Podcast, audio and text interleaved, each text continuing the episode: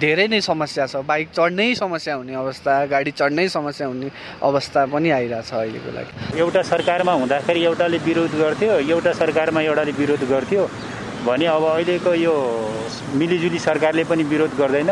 सबभन्दा बढी श्रमजीवी र विद्यार्थीहरूलाई चाहिँ बढी मर्का छ यसमा। पेट्रोलियम पदार्थको मूल्य आकाशीयसँगै आम सर्वसाधारणको गुनासो पनि बढ्दै गएको छ। यस्तै असन्तुष्टि बढिरहेको अवस्थामा रिपोर्टर्स क्लब नेपालले शुक्रबार काठमाडौँमा आयोजना गरेको साक्षात्कारमा नेपाल आयल निगमका प्रवक्ता विनितमणि उपाध्याय र नेपाल राष्ट्रिय यातायात व्यवसायी महासंघका महासचिव शरद सिटौला बीच चर्का चर्किने पर्यो।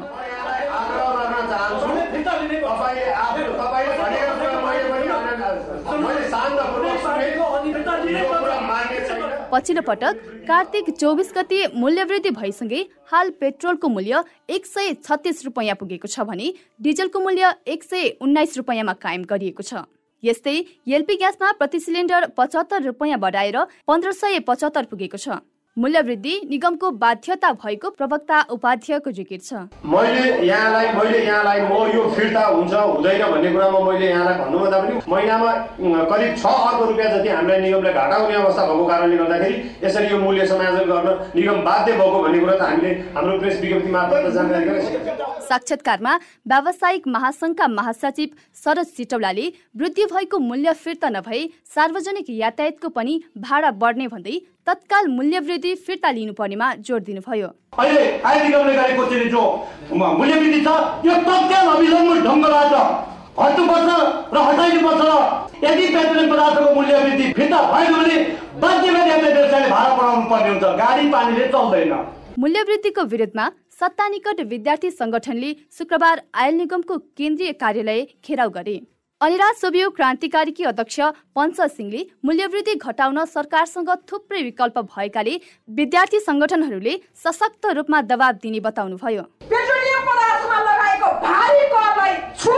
जनताका लागि जनप्रिय निर्णय गर्नुपर्ने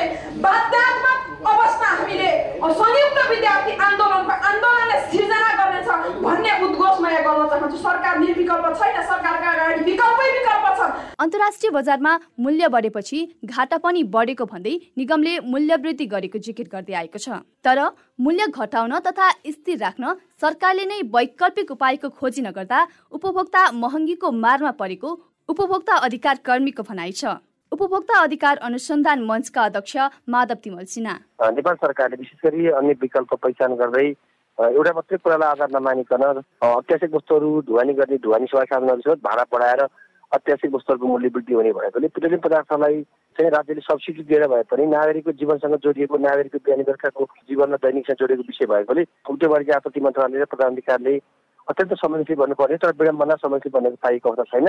र यो बढेको मूल्यवृद्धि वैज्ञानिक पनि छैन किनकि नेपाल आय निगममा जुन किसिमको करहरू क्षेत्रगत रूपमा चाहिँ राखेका करहरू शीर्षकमा खर्च नभएको कारणले गर्दाखेरि ती करहरू घटाएर भए पनि आम नागरिकले राहत दिने काम गर्नुपर्छ। अन्तर्राष्ट्रिय बजार भाउ अनुसार मूल्य समायोजन गरेको निगमले दावी गरे पनि पारदर्शिका विषयमा भने अझै पनि नागरिकले विश्वास गर्न सकेका छैनन्। बढ्दो महँगी र इन्धनको मूल्य वृद्धि नियन्त्रणका विषयमा मौन बसेको सरकारले आवश्यक कदम तत्काल चाल्नुपर्ने देखिन्छ। रेडियो क्यान्डिडेटका लागि न्युमु शेर्पा।